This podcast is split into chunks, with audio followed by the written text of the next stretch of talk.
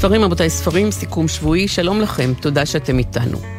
היום ה-27 בינואר חל יום השואה הבינלאומי. היום לפני 78 שנה שוחרר מחנה ההשמדה אושוויץ מידי הנאצים, ועל פי החלטת האו"ם מנובמבר 2005, החל משנת 2006 מצוין בתאריך הזה יום הזיכרון הבינלאומי לשואה. כל הספרים שנדבר עליהם היום קשורים בדרך זו או אחרת לנושא השואה. נדבר בשעה הקרובה עם מירון רפופורט, שתרגם את הספר אושוויץ עיר שלווה, עשרה סיפורים שכתב פרימו לוי. נשמע מדוקטור נעמה שיק על הטרילוגיה שכתבה הסופרת הצרפתית שרלוט דלבו, אף אחד מאיתנו לא יחזור. נשוחח עם דוקטור שוקי פרידמן על רומן הביקורים שכתב, לא אהבנו מדי, ומהמתרגמת יעל סלמון ברנע נשמע על הספר בשתי ידיי, זיכרונותיה של חסידת אומות העולם. לסיום, זיו תדהר יקרא שיר לא מוכר של אלי ויזל, חתן פרס נובל לשלום. התפילה נקרא השיר כשהופיע בשנות ה-60 ביידיש בעיתון פורוורדס. פרופסור רחל רוז'נסקי תרגמה אותו לעברית, ודוקטור יואל רפל, שהיה מנהל ארכיון אלי ויזל, העביר אותו אלינו. שרלוט דלבו, שמתה בפריז בשנת 1985, הייתה סופרת, מחזאית ומשוררת. היא הייתה חברה במפלגה הקומוניסטית ובמחתרת הצרפתית, ופעלה נגד הכיבוש הנאצי בצרפת. בשנת 1942 נעצרה דלבו עם בעלה. הוא הוצא להורג והיא נשלחה לאושוויץ, משם הועברה למחנה ravensbrück, וממנו שוחררה בשנת 1945. הנה שיר שכתבה שרלוט דלבו אחרי השחרור. הפסיקי לרטון, אלו החיים. על מה חלמת כשהיית שם? על לאכול עד שובע, על לישון עד בוקר, על לאהוב עד תום. חלמת על שינה, אכילה, אהבה. עכשיו יש לך את כל אלה, מאז ששבת. היסטוריה, הכל נגמר. היי שמחה כמו כולם. היסטוריה. ברגע מסוים בזמן, לחיות עכשיו. אז מדוע כל כך רצית לשוב? עכשיו הופיע בהוצאת עם עובד הספר של שרלוט דלבו, אף אחד מאיתנו לא יחזור, טרילוגיית אושוויץ ואחרי. רמה איילון תרגמה את הספר מצרפתית, וכדי לדבר על הספר איתנו דוקטור נעמה שיק, שהיא אשת יד ושם, היסטוריונית, חוקרת נשים ושואה. שלום נעמה. שלום ציפי. שרלוט דלבו מתארת בספר המאוד מטלטל הזה את הנשים ששוכבות עירומות על הדרגש בחדר המתים, על קרשים שהם מלוכלכים מצואה מימית, ממוגלה, את שמונה החברות שהמוות עומד להפריד ביניהן, הן אוכלות מרק עכור ודרך החלון המסורג רואות על השלג שוכבות עירומות את החברות שלהן מאתמול, שמתו בבלוק 25. היא מתארת את האיש שקורע על ברכיו, משלב ידיים, מרכין את הראש והקאפו עם המקל שלו מנחית מהלומות על גבו. איינס צווי דריי. חמישים מלקות הוא יקבל עכשיו האיש הזה והוא עצמו יספור אותן. אם יפסיק לספור, יתחילו שוב המלקות מאפס. היא מתארת את המשאית הפתוחה, ועליה נשים מתות מעורבבות בין נשים חיות.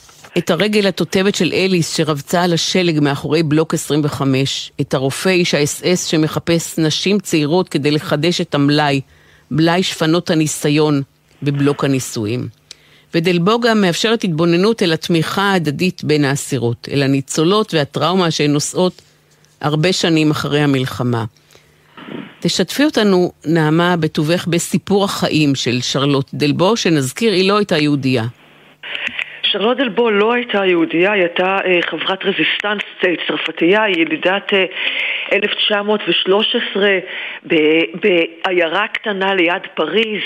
היא, היא מגיל צעיר מאוד כבר מתחילה לכתוב, היא, היא אשת תיאטרון מוכשרת והיא סופרת. היא נישאת לז'ורג' דודח, שהיה אה, במאי תיאטרון. אה, והם מקיימים חיים, הייתי קוראת להם אה, אינטלקטואלים של פריז. אחרי הכיבוש הגרמני הם מצטרפים יחד לתנועת, לתנועת ההתנגדות הצרפתית, לרזיסטנס, הם מצטרפים לתא של לואי ארגון, כן, המשורר, ולימים... דל, עכשיו, הם, הם, הם, כמו שאמרתי, הם נישאים, ודלבו גם נכנסת להיריון. נולד להם בן, בן אבל הוא מת אה, מיד אחרי אה, הלידה שלה. שלא, הם, הם ממשיכים לפעול ברזיסטנס, הם נתפסים על ידי הגסטאפו במרץ 42 בעקבות הלשנה של המשטרה הצרפתית, כן, משהו לא חריג, וכולאים אותם בבתי כלא שונים.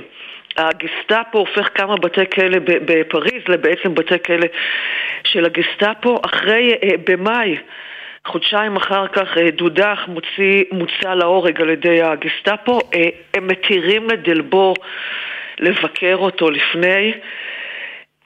היא אחר כך חוזרת בעצם לבית הכלא שבו היא נמצאת, היא נמצאת שם עוד כמעט חצי שנה ואחר כך מגורשת יחד עם 230 נשים אחרות לא יהודיות לאושוויץ בירקנאו. הן מגיעות למחנה ב-27 בינואר. המשלוח הזה שלהם, זה תמיד קשה להגיד, כן, על, על נכון, על רכבת שמסיעה בני אדם משלוח, אבל אנחנו משתמשים במילים האלה. המשלוח שלהם הוא משלוח מאוד אה, ייחודי במובן הזה, הוא של נשים אה, לא יהודיות, נשים שרובן ככולן הן חברות רזיסטנס, הן, הן אה, קומוניסטיות, הן מתנגדות משטר אחרות. מתוך 230 נשים שמגורשות לאושוויץ באותו אה, אה, טרנספורט חוזרות 49 בלבד. וכמו שציינת ציפי היא גם כותבת אחר כך אה, דלבו גם על החיים שלהם אחרי השואה לא החיים שלהם, כן, אחרי המחנות ועל המורכבות שלה. עכשיו היא כותבת את ה... את הספר שלה ש, שאנחנו מדברים עליו היום, כן, את, שזה יצירת מופת אף אחד מאיתנו לא יחזור מיד כשהיא חוזרת מהמחנות. זאת אומרת, כבר ב-46 ו-47 למעשה היא כותבת את שלושת החלקים אה, של הטרילוגיה. עכשיו, היא לא מפרסמת את זה בצרפתית עד 65 אה, מתוך אה, החלטה שהיא מקבלת בעצמה, כן, להכניס את זה, כמו שהיא אומרת, למעין קפסולת זמן ולבדוק האם הזמן... אה, אה, אה, היא אומרת, האם זה יעמוד במבחן הזמן מבחינה ספרותית, מבחינת הרצון שלה להעביר את מה שהיא רוצה להעביר, כן? את, את, את הקראת קודם אה, אה, מהכתובים שלה, מה, מה, היא מתארת הכתיבה שלה היא מאוד מוקדמת כל הזמן, מה ש...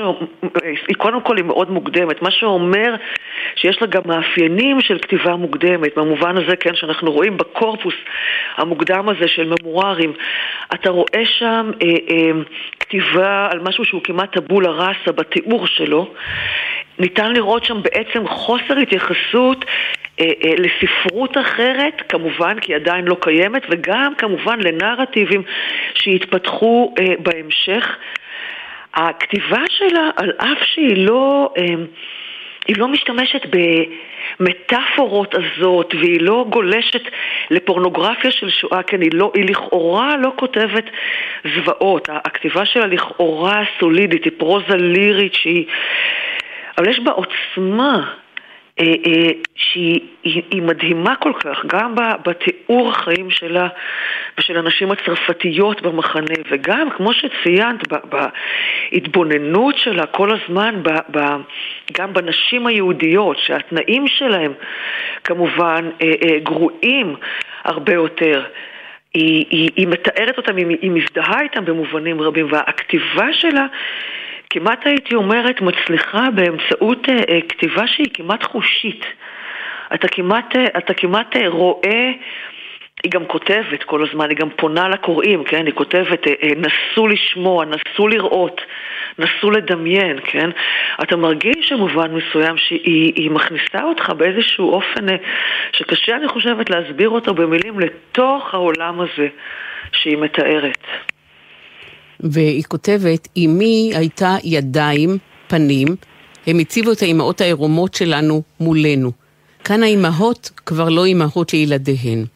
אני רוצה לשאול אותך, דוקטור נעמה שיק, איך דלבו מתארת את מה שנעשה במחנה מזווית הראייה של האימהות, של היכולת ללדת?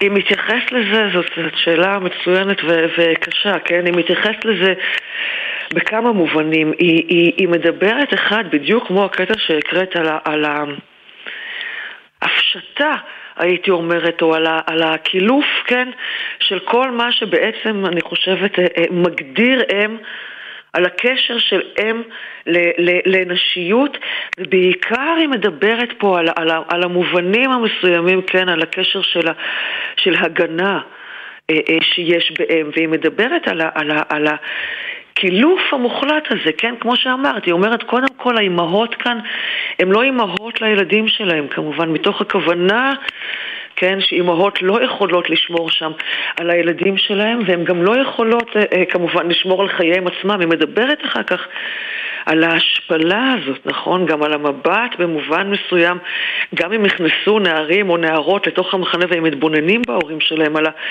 על, ה, על ההפשטה המוחלטת הזאת של אימהות מהתפקיד שלה, שאנחנו מכירים היום מה היכולת שלה לתפקד אה, אה, כאם.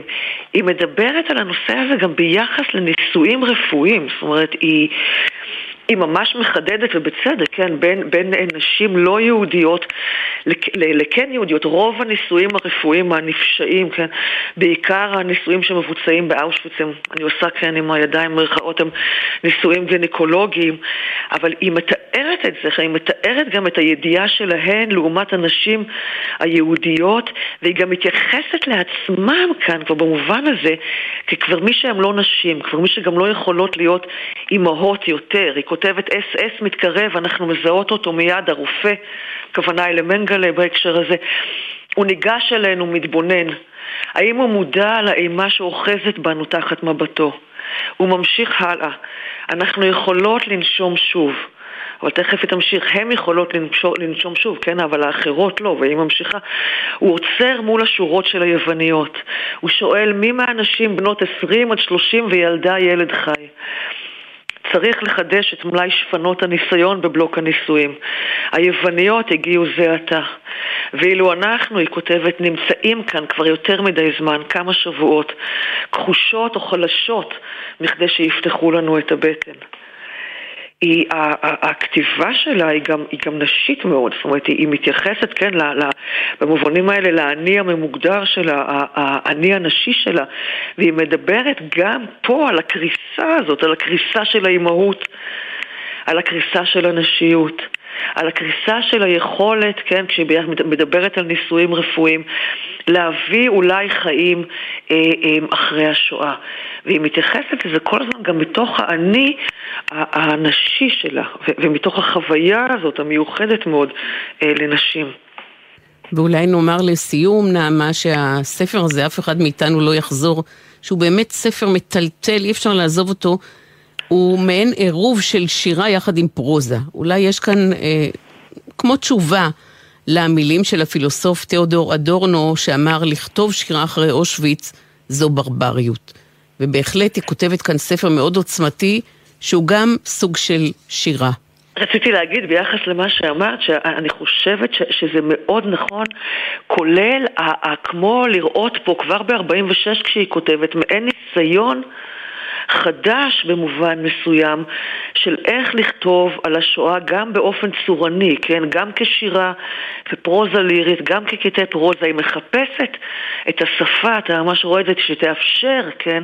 כמו שהיא אומרת, להבין, שתאפשר לראות. תודה רבה, דוקטור נעמה שיק. הספר של שרלוט דלבו נקרא "אף אחד מאיתנו לא יחזור", טרילוגיית אושוויץ ואחרי, והוא הופיע בהוצאת עם עובד. תודה רבה, דוקטור נעמה שיק. תודה.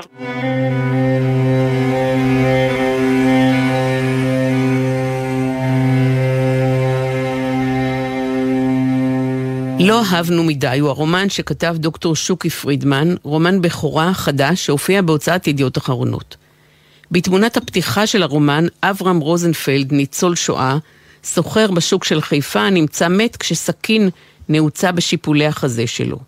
אברהם ואשתו רחל היו הבעלים של המחסן בשוק, שהיה גם חנות סיטונאית. הם מכרו פירות יבשים, גלילי נייר, שקיות ניילון, מכשירי כתיבה.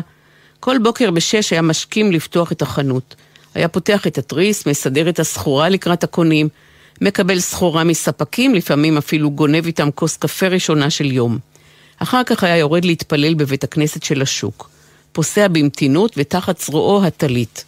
בסביבות שבע היה חוזר לחנות, מזמזם לעצמו ניגונים ישנים, ופותח את החנות ליום חדש. אברהם נרצח בחנות שלו, ואליה זורמים בעקבות הרצח השוטרים, החובשים, ז'אקו קצין המשטרה שמקבל על עצמו את החקירה, גם ליבוביץ' שהכיר את אברהם ורחל עוד משם, כי הוא היה עוזר במרפאה שבמחנה. האמבולנס של חבר'ה קדישא יגיע עוד מעט כדי לפנות את הגופה. שלום דוקטור שוקי פרידמן. שלום וברכה. הרב שמכיר את אברהם עוד משם, העיירה, העבודה בגטו, הצעדות, המשרפות, הגרמנים שמגיעים לעיירה, המשאיות שהיהודים חייבים לענות עליהן, מהר, מהר, שנל, שנל. הרומן שלך, אפשר להגיד שהוא רווי בה שם. במיוחד, אגב, משך את תשומת ליבי, וולקובסקי, ההונגרי הצולע, הוא אומר, אברהם מת, אבל הלב שלו מת מזמן, מת שמה. כל מי שהיה שמה יודע את זה. הסיפור הזה הוא סיפור שמתרחש בשנות החמישים של חיפה, שנות החמישים המאוחרות, אבל הוא באמת מחבר את הכאן של אז ואת השם של אה, שנות ה-40 הנוראות אה, במחנות, ולמעשה מחבר את הישראליות שהתחילה להיווצר אז, את כור ההיתוך הישראלי, שאני חושב שבא לידי ביטוי בספר הזה, עם אה, האנשים שהגיעו משם, חלקם חיים יותר, חלקם חיים פחות, חלקם צללים של מה שהם היו, ומתוך האפר באו לכאן, מתוך ציונות, כדי לבנות מחדש גם אה, חיים, גם משפחה וגם מדינה. ולכן זה גם שם, שם, שם, באירופה, כל מה שנשאר שם, אבל גם כאן. וז'אקו, קצין המשטרה שממונה על חקירת הרצח של אברהם, מנסה במסגרת התפקיד שלו כחוקר לקושש מידע שיוביל אותו לפענוח של הרצח. הוא מנסה לדובב את נאג'י, הקבצן הגידם הערבי, שהיה חלק קבוע מהשוק. הוא בודק מה יודע סלים, בעל בית הקפה. בסיום הרומן, ז'אקו מועלה בדרגה. הוא עכשיו סגן ניצב ז'אקו אסולין, מפקד יחידת החקירות. מה הוא מגלה בחקירות שלו, ז'אקו? אתה ממש לא חייב להגיד לי מי הרוצח, שוקי, אבל מה הוא מגלה בחקירות שלו? אנחנו לא נעשה ספוילר למאזינים, אבל uh, מה שהוא מגלה זה שצללים של העבר מאפילים על ההווה, וגם כשאנחנו חושבים שאנחנו uh, נמצאים הרבה שנים אחרי אירועים שהיו נוראים וקשים, אבל נשארו אי שם, אנחנו מבינים שהאירועים האלה הגיעו גם לכאן, והאנשים שחיו אותם חיים כאן בינינו, אבל הצל והמשמעויות שיש לאותם אירועים על החיים ועל ההווה ממשיכים להכות בהם וממשיכים להיות רלוונטיים גם להם וגם למי שחי בסביבתם, ולכן כשרואים את אותם ניצולים שמסתובבים בחיפה של שנות החמישים, ספק צללים, ספק אנשים, מבינים ש... הם באו משם, והם חיים כאן, אבל הכל עדיין מעורבב.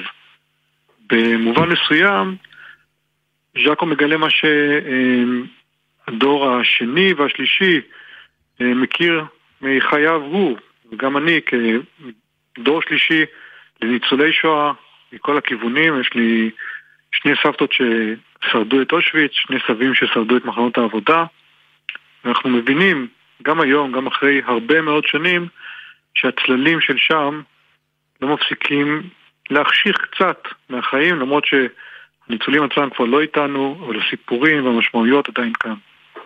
והרומן שלך מסתיים במכתבים שנשלחו בין השנים 1949 ל-1957, מיהודה לאברהם ולרחל מאברהם. את המכתב האחרון שלח יהודה לרחל בשישה ביולי 1957. מה התפקיד של המכתבים האלה ברומן?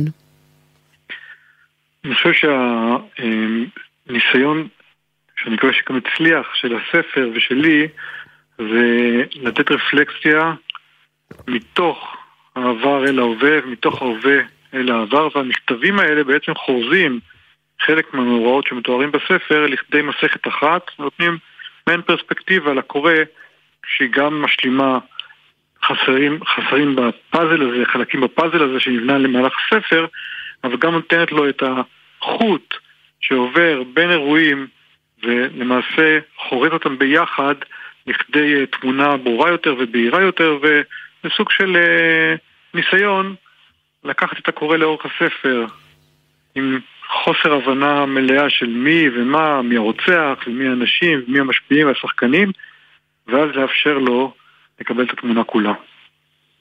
ולמה קראת לרומן הזה לא אהבנו מדי?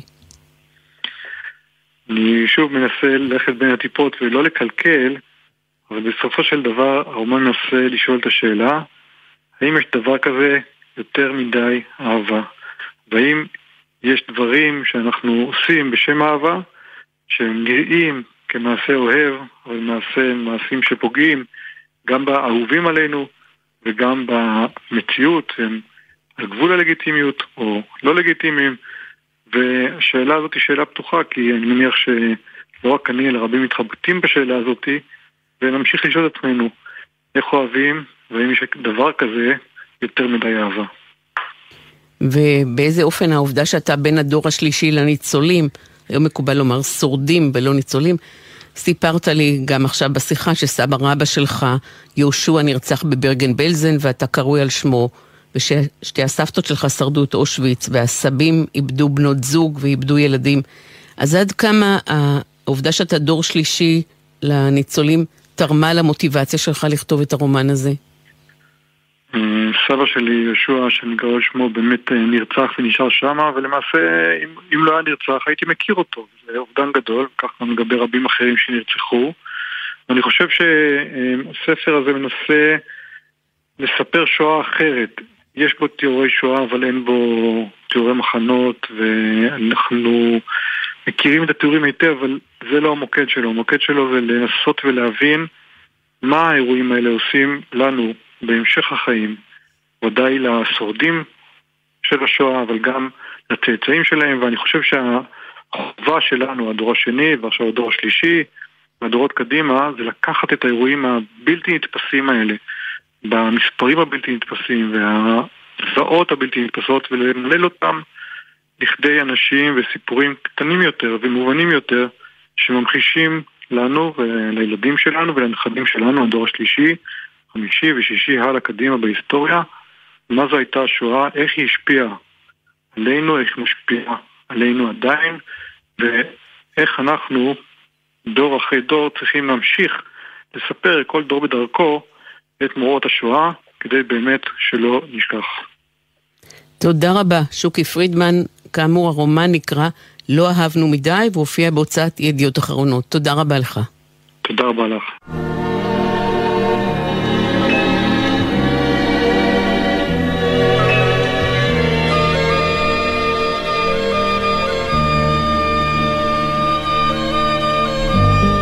הסופר והכימאי היהודי-איטלקי פרימו לוי נתקע לראשונה בפשיזם האיטלקי כשלמד כימיה באוניברסיטת טורינו. על תעודת הגמר שלו צוין שהוא מן הגזע היהודי.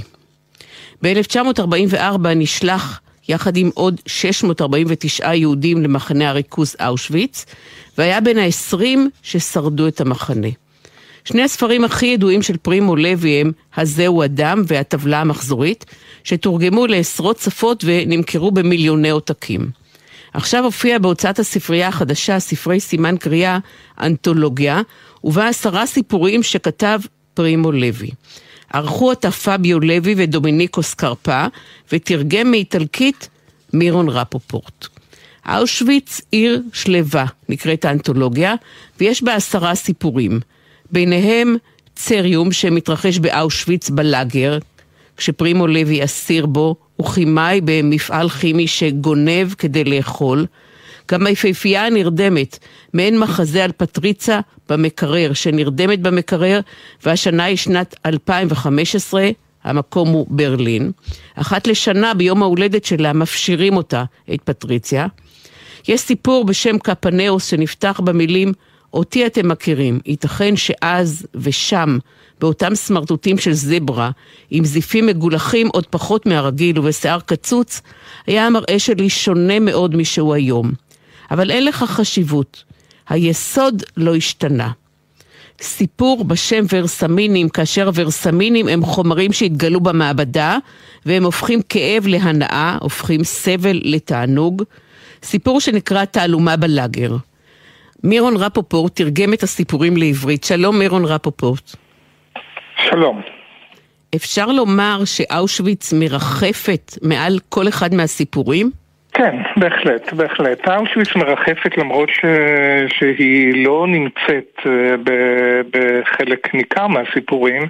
אה, יש אה, סיפורים שהם כן עדות שלו מאושוויץ, כמו הסיפור הראשון, קפנאוס, שגם מופיע בלילית ואחרים, וסיפור לגבי הקשר שלו עם חימאי. שהיה בעצם אחראי על המעבדה באושוויץ אה, ושהוא יוצר שהופיע בטבלה המחזורית ותורגם עכשיו בחדש.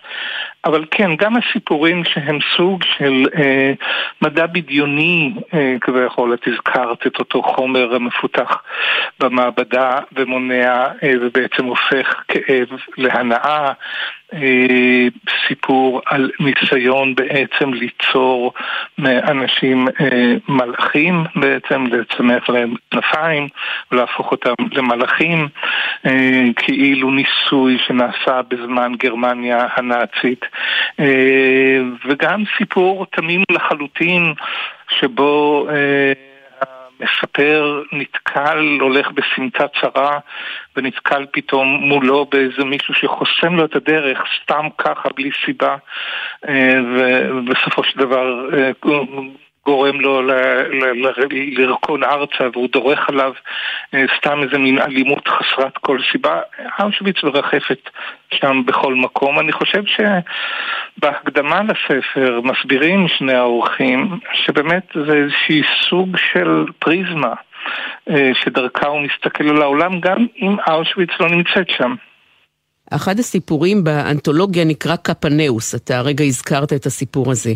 וקפנאוס הוא אחד המלכים שמרדו בזהוס, לפי הקומדיה האלוהית של דנטה, שנכתבה במאה ה-14. מה הקשר בין קפנאוס של דנטה לבין הסיפור הזה? תראי, אני חושב שבכל מקום אה, אצל פרימו לוי צריך להבין את זה. אה, מרגע שהוא נכנס לאושוויץ, וזה מופיע גם בזהו אדם, מרגע שהוא נכנס לאושוויץ, בעיניו הוא נמצא בתוך אותה... אה, בתוך אותו גיהנום שדנטה אה, אה, מתאר. מתאר.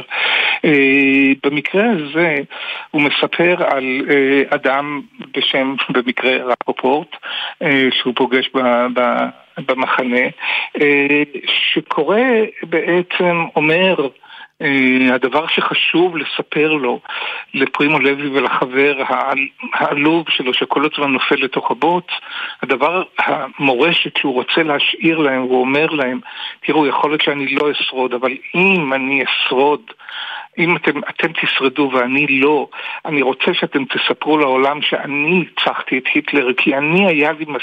אני נהניתי מספיק בעולם הזה, אני אה, אה, אה, אכלתי טוב, אני נהניתי מהחיים, יש לי עדיין חשבון זכות, ואתה לא ניצחת אותי היטלר. זאת אומרת, יש פה איזה קריאת תיגר על, של האדם שאומר, זה, זה, את רוח האדם שלי לא שברתי, שלא שברת, ואני חושב שזה בכלל, זה עובר כחוט השני אצל כל סיפורי אה, אושוויץ, פרימו לוי, ומכאן גם אני חושב גם הסיפורים האחרים. פרימו לוי מתעסק במהו אנושי, זאת השאלה המרכזית שהוא שואל את עצמו. מה זאת אומרת להיות אנושי? מה זאת אומרת להיות בן אדם ומתי אתה מאבד את האנושיות הזאת. בעצם בעיניו המחנה אושוויץ היה ניסיון לשלול מהאדם את האנושי שבו. אה, הוא חושב שבמידה רבה אה, הגרמנים הצליחו, וזו באמת הדרמה והטרגדיה אה, שליוותה את פרימו לוי אולי עד יומו האחרון, גם בספר שהוא כתב לפני מותו, השקועים והניצולים, אותו תחום אפור שבו אדם שוקע מי שנגע ברוע שוקע לתוך הרוע הזה. אבל אני חושב שזאת השאלה שהוא שואל את עצמו כל הזמן. האם, מה נשאר מרוח האדם שבמקום שבו לאנושי אין משמעות? אה, ואותו רפופורט קורא תיגר על אותה, על מכונה שמנסה להשמיד את האנושי.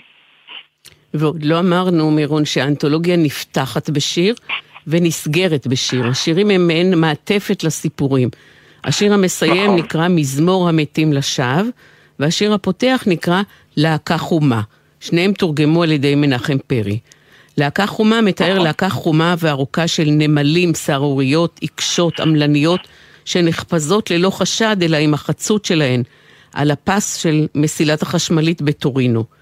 והשיר הזה מסתיים במילים, איני רוצה לכתוב את זה. איני רוצה לכתוב על להקה הזאת, איני רוצה לכתוב על שום להקה חומה. ממש ממש מתבקש להשוות את להקת הנמלים ללהקות של האסירים שצועדות עם שחר בלאגר. כן, ברור, אה, אני חושב שההשוואה היא, היא מאוד ברורה, זה גם עולה מהתיאורים שלו באמת בזהו אדם, אה, אותן להקות אה, חסרות צבע, חסרות רצון אנושי כמעט בעצם, שנעות מכוח עצמן לעבודה וחזרה מהעבודה בתוך הערפילים של, של, של אושוויץ. אה, כן, כן, אני חושב ש... אבל הוא, הוא כן אומר, אה, אני לא רוצה לכתוב עליה. אני חושב שפרימו לוי, אה, זה לא, אני חושב, היה עניין כל כך שהוא רצה להוכיח למישהו משהו שהוא לא רק מתעד של שואה, ושהוא גם סופר בזכות עצמו. אני חושב שכבר בשלב מסוים היה ברור לעולם וייתכן שגם לא, אה, שהוא אחד הסופרים הגדולים של המאה ה-20, ואני באמת חושב שהוא אחד הסופרים הגדולים של המאה ה-20, מעבר להיותו מתעד של אושוויץ.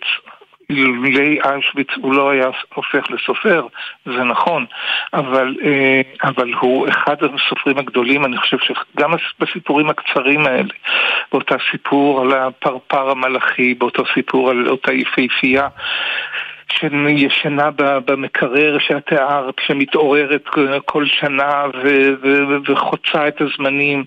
אה, בכל אותם סיפורים, פרימו לוי הוא באמת סופר עצום. אבל כן, אני חושב שבשלב מסוים הוא היה צריך להשתחרר מהצל הזה שאני, אה, שהוא אך ורק מתעד, שהוא רק, אה, והוא לא באמת סופר בפני עצמו, ולכן הוא אומר, אני לא רוצה לכתוב עליה. אבל הוא כותב, אבל הוא כותב מזווית אחרת, בלי אה, אושוויץ שנמצאת בתוכנו, בלי שיש אושוויץ בכלל, בלי שמתארים את אושוויץ. אני חושב שזה אחד מהדברים החזקים בקובץ הזה, באנתולוגיה הזאת שמקבצת סיפורים שנכתבו בתקופות שונות אה, וחלקם פורסמו וחלקם פורסמו רק בכתבי עת ולא לא קובצו אה, יחד בשום דרך.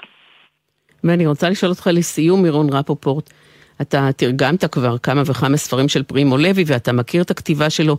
אפשר להשוות בין הטקסטים באנתולוגיה הזאת, אושוויץ עיר שלווה, לבין הטקסטים המאוד מוכרים שלו, כמו הטבלה המחזורית או איזה הוא אדם?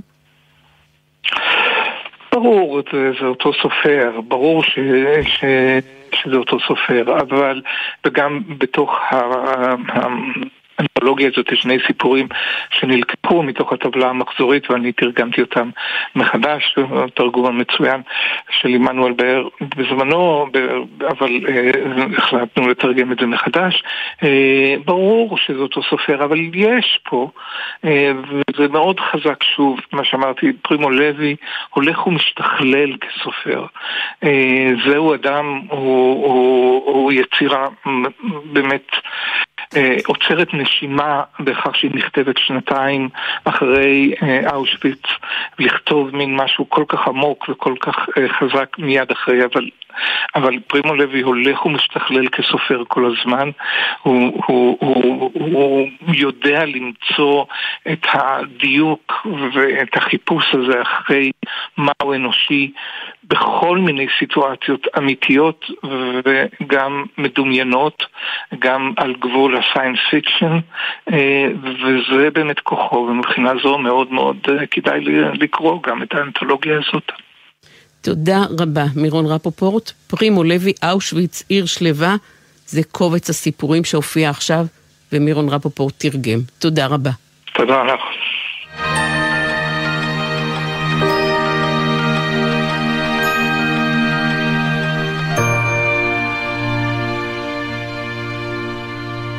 בשתי ידיי, זיכרונותיה של חסידת אומות עולם, הוא הסיפור המדהים של איירין גוט אופדייק, שהמוטו שלו אומר, יש להבין שלא הפכתי בבת אחת ללוחמת מחתרת, מבריחת יהודים ומתנגדת לאס-אס ולנאצים. הצעדים הראשונים הם תמיד קטנים. התחלתי בהסתרת מזון מתחת לגדר. האמת שלאורה על כולנו לחיות היא שגם אחת או אחד מאיתנו יכול להביא לשינוי של ממש. את הספר בשתי ידיי כתבה איירין גוט אופדייק, יחד עם הסופרת ג'ניפר ארמסטרונג, ותרגמה אותו לעברית יעל סלמון ברנע, הוא הופיע בהוצאת סיקסק. שלום יעל סלמון ברנע. שלום וברכה. אירנה איירין נולדה בשנת 1922 בכפר קטן בשם קוזניצה במזרח פולין. משפחה שנולדו בה חמש בנות, ואם לבחון את מה שאירנה כותבת על אימא שלה, אולי אולי אפשר היה אפילו לנבא שגם אירנה בעתיד לא תוכל לעמוד מנגד לנוכח המפלצת הנאצית שכבשה את פולין. אירנה מתארת בפתיחת הספר איך אימא שלה גידלה גוזל של ככלי שנפל מהקן, איך היא חבשה כנף של חסידה צעירה שהילדות כינו אותה בוצ'ק, ויחד הם שמו את בוצ'ק החסידה במרתף, הביאו לה אוכל, חיממו את המרתף, עד שבוצ'ק תתחזק ותעוף באביב עם שאר החסידות. מכאן אני מפנה אלייך את השאלה, יעל, מתוך החמלה של אימא שלה, על הככלי ועל החסידה הפצועה, מתוך מה שהאירין ספגה בבית, וכמובן מתוך האישיות האמיצה שלה. מה היא בעצמה עשתה בבגרותה, בתעוזה, ביצירתיות, בהקרבה, מה היא עשתה כדי להציל יהודים שלא הכירה? האירין, אירנה, אה, בעת ההיא, אה, עשתה הרבה מאוד. אה, לקח זמן עד שהיא הבינה מה קורה בפולין, מכיוון שבהתחלה היא הייתה, כשפולין נכבשה, היא אה, מצאה את עצמה על אדמת פולין שהפכה לרוסיה. וכשהיא חוזרת אה, ונפגשת עם ההורים שלה ואחיותיה, הם מסבירים לה מה קורה, פחות או יותר מה קורה, הם לא בדיוק ידעו, הם ידעו שלוקחים את כל היהודים למעבר לגדר, אבל הם לא ידעו בדיוק מה קורה שם. והם אפילו אומרים לה באיזשהו שלב, והעונש למי שעוזר ליהודי הוא מוות. והיא שואלת אותם בתמימותה את השאלה המתבקשת שאנחנו לדעתי שוכחים לשאול, כי זה כל כך ברור לנו כבר, מי שעוזר ליהודי לעשות מה? ו, אה, וזה בדיוק העניין של אה, היא לא הסתכלה על דת או על כל דבר אחר, היא הסתכלה על בן אדם כבן אדם, כחיה פצועה, כחיה שצריכה עזרה. וכשהיא הבינה באיזשהו שלב מה קורה שם מעבר לגדר, אז באמת היא, היא התחילה מהדבר הזמין הראשון שהיה לה, שזה להחביא קליפות אה, תפוחי אדמה מתחת לגדר הזאת. וזה המשיך בהעברת ידיעות שבעקבות הידיעות של הרבים כנראה הצליחו לברוח, אני לא יודעת אם רבים גם שרדו, אי אפשר לדעת הרי, אבל אה, אנשים ברחו בעקבות הידיעות שלה, והיא הצליחה גם אה, להסתיר עד סוף המלחמה ולהבריח, תלוי איך סופרים, בין עשרה לארבעה עשר יהודים בכל מיני דרכים. היא גם הבריחה אותם ליער, והיא גם מצאה להם מקום מחבוא. עד סוף המלחמה. אילו סיכונים היא לקחה על עצמה?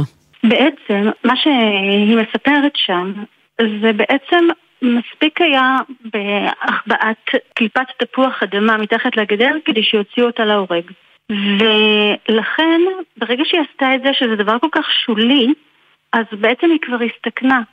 ואז היא יכלה לקחת את הצעד הבא.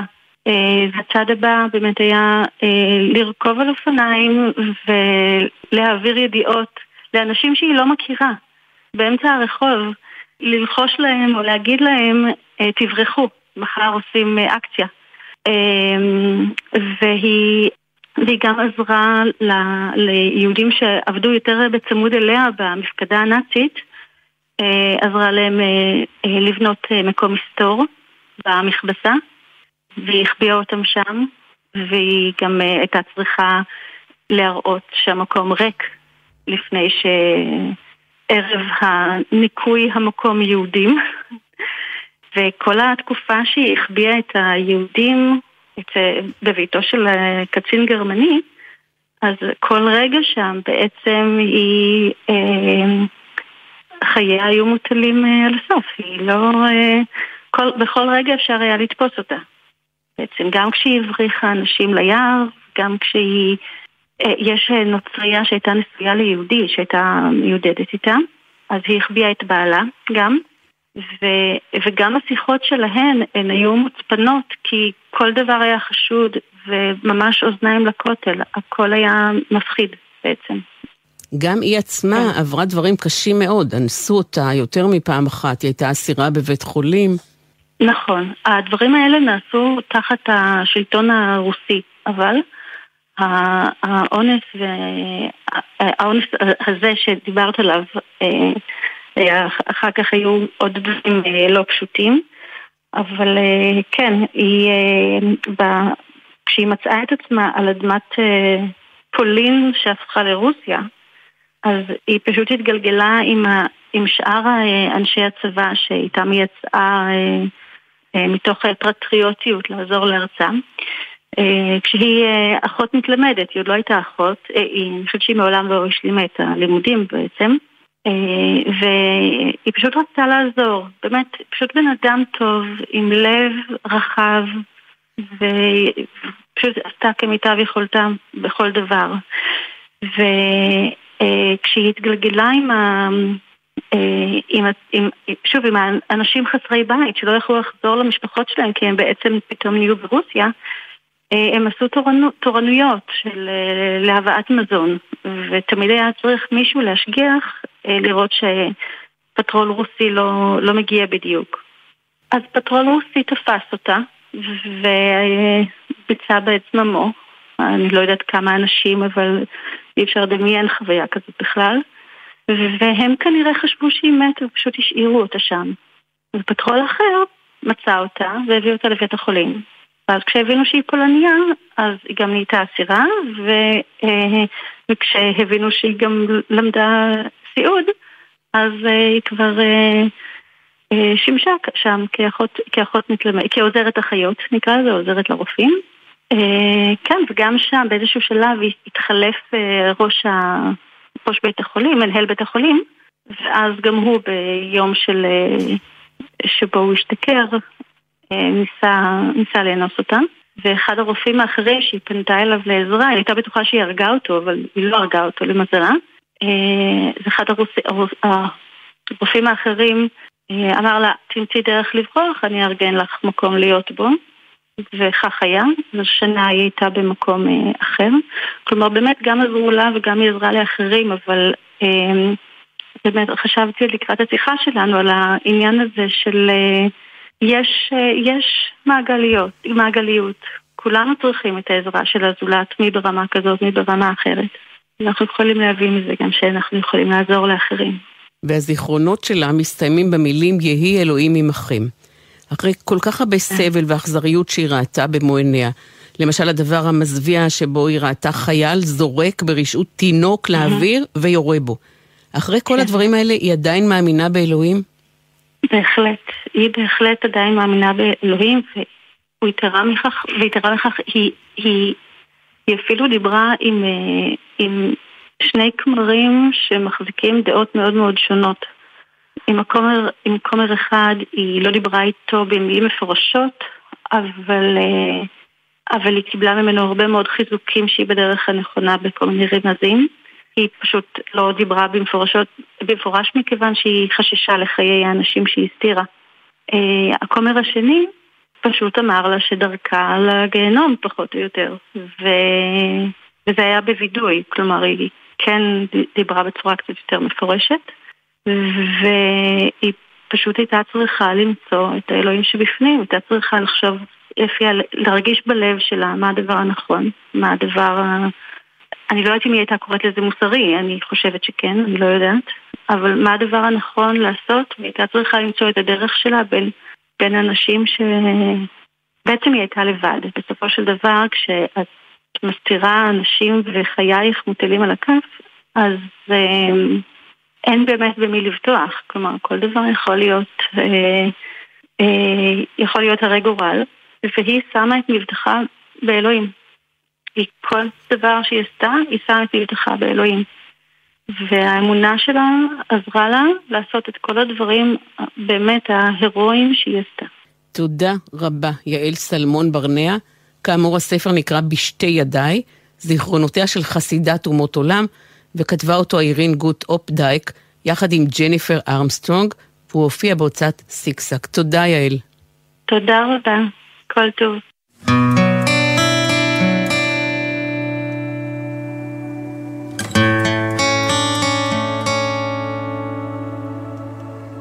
ספרים רבותיי ספרים, כל התוכנית היום מוקדשת לספרים שעוסקים בשואה. הסופר אלי ויזל, חתן פרס נובל לשלום, נשלח בשנת 1944 לאושוויץ. אמו ואחותו הקטנה נרצחו, אלי ואביו הועבדו בעבודת פרך, ולאחר שהועברו לבוכנוולד, האב נפטר. אלי שרד במחנה עד השחרור. בשנות ה-60 של המאה ה-20 כתב אלי ויזל את השיר תפילה, ביידיש, התפילה. ודוקטור יואל רפל מצא אותו כשהיה מנהל ארכיון אלי ויזל באוניברסיטת בוסטון. פרופסור רחל רוז'נסקי תרגמה את התפילה מיידיש לעברית, וזיו תדהר יקרא אותו עכשיו.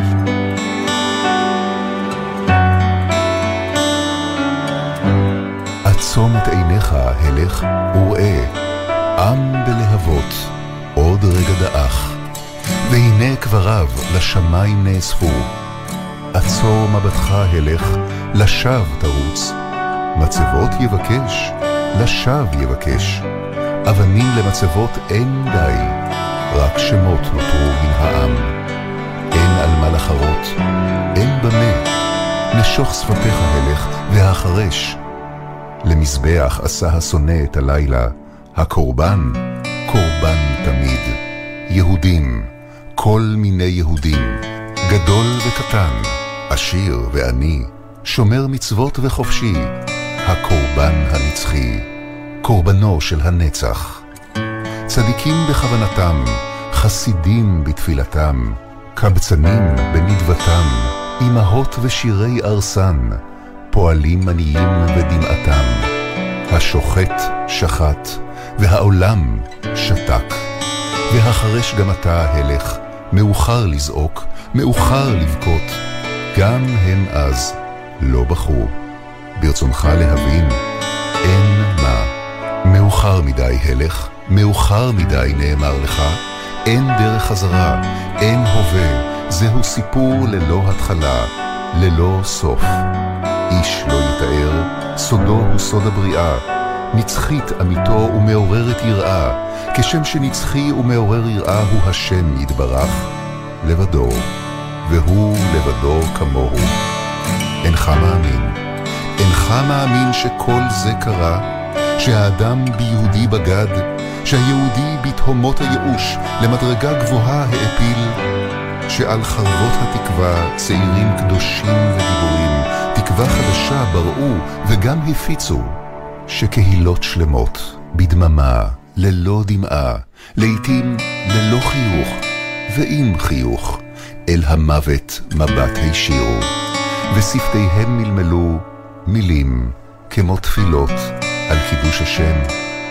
כך הלך, מאוחר מדי להבין, ומדוע בוער הסנה, ומדוע לא אוקל? אל תבקש תשובה, הלך, אל תישא עיניך לשווא. לא תראה את האש, אך את הכל בתוכו פנימה, בסנה הבוער. השומע אתה? זהו קולם, קולם שעולה מן האש.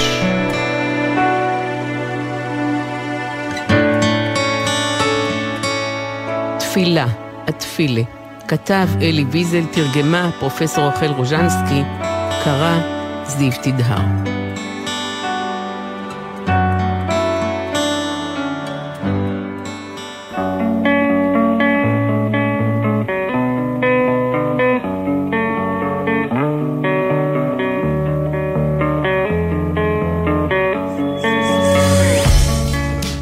רבותיי, ספרים עד כאן התוכנית להיום. כולה על ספרים שבתוכם שזור בדרך זו או אחרת נושא השואה, לרגל יום השואה הבינלאומי שצוין היום. תודה לדוקטור שוקי פרידמן, למירון רפופורט, ליעל סלמון ברנע ולדוקטור נעמה שיק. תודה מיוחדת לזיו תדהר ולדוקטור יואל רפל, שבזכותם שמענו את השיר תפילה, שיר לא מוכר מעזבונו של אלי ויזל. הפיקו את התוכנית עשאל פלד ותמנת צורי המקסימות, על הביצוע הטכני דניאל שבתאי וליאור רונן, בפיקוח הטכני גרם ג'קסון. אני ציפי גון גרוס, שתהיה שבת שלום, ואחרי השבוע, מצוין.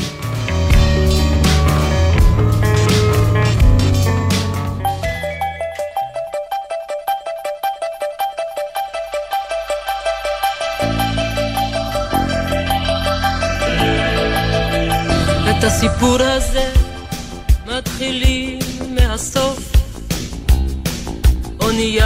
נוסעים הגיעה אל החוף. אנשים עייפים בארץ חדשה. עומדים מול שער גדול מסתכלים בו בשתיקה. אנשים מקצה הזמן, מקצה האור והחיים. בבגדים עבים, בצעדים כבדים דבר לא היה כמו בהבטחות. הבטיחו ארץ חמה, היו רוחות ושערות. הגג עף בחורף, הרצפה מלאה סירים. הכל ספוג במים, שמיכות הפוך מפולין. כולם מתייפחים, כמו נסיכה אמיתית ישנה עם מטריה. מישהו אומר הגענו, מישהו עונה אולי, מישהו אומר מצאנו, לוחשים לו הלוואי. מישהו קורא בינתיים, צועקים לו עד מתי, לעולם כבר לא נדע. מי נכנס ומי יצא, מי עבר ומי נשאר. שרה לי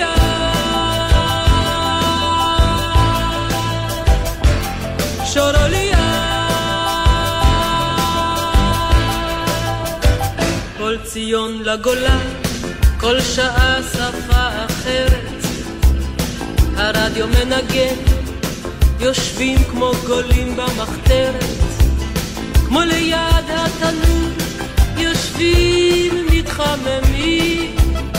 מבינים כל מילה, שרים את השירים,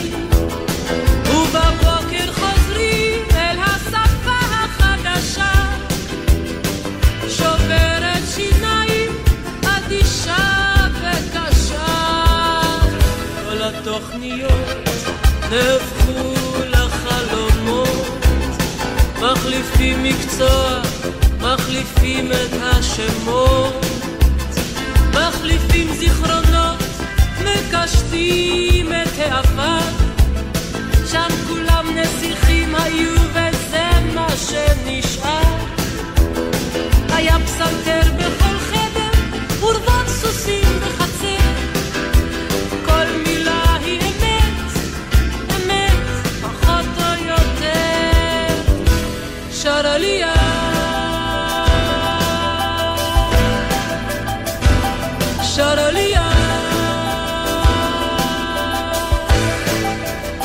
ושוב הרדיו מדבר לדור חיפוש קרובים. רשימות ארוכות, שמות, כתובות ומספרים. מי שהחליף את השם בעצם כבר ויתר. אינו מקשיב לתוכנית,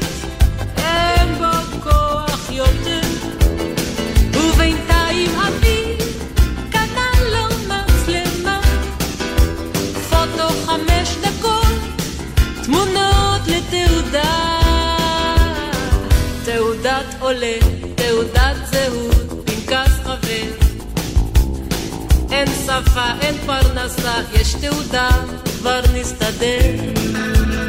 ובקיץ החם מוציאים את הכיסאות. מרכז הסברה מביא סרטים והרצאות. אקורדיון מנגן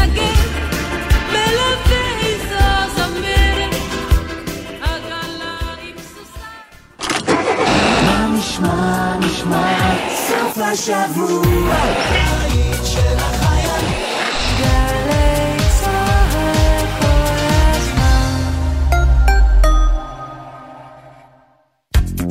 כל שבת ב-10 בבוקר, יורם סוויסה לוקח אתכם למסע מוזיקלי. והשבוע, מסע עם אתניקס. הדבר הזה הרבה יותר גדול מהמריבה המטומטמת הזאת, וכשמבינים את זה, זה כנראה מאוחר מדי. והתקשרת אליו? יצרנו קשר. לא, איך היו השניות הראשונות של ה... כאילו לא נפרדנו מעולם. מסע עם יורם סוויסה, מחר 10 בבוקר, ובכל זמן שתרצו, באתר וביישומון גלי צה"ל.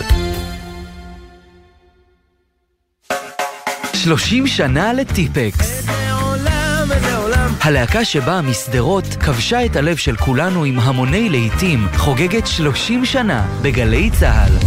ענבל גזית מארחת את קובי עוז, רמי יוסיפוב וגל פרמן. היינו אמורים להיות להקת מונית, שכל הכלים שלנו ייכנסו לתוך מונית ונצליח להופיע. ההופעות הראשונות באלבום הראשון שלנו היו פסטי פורים. לפנינו היה כלב מאולף. מחר, שתיים בצהריים, גלי צה"ל. מיד אחרי החדשות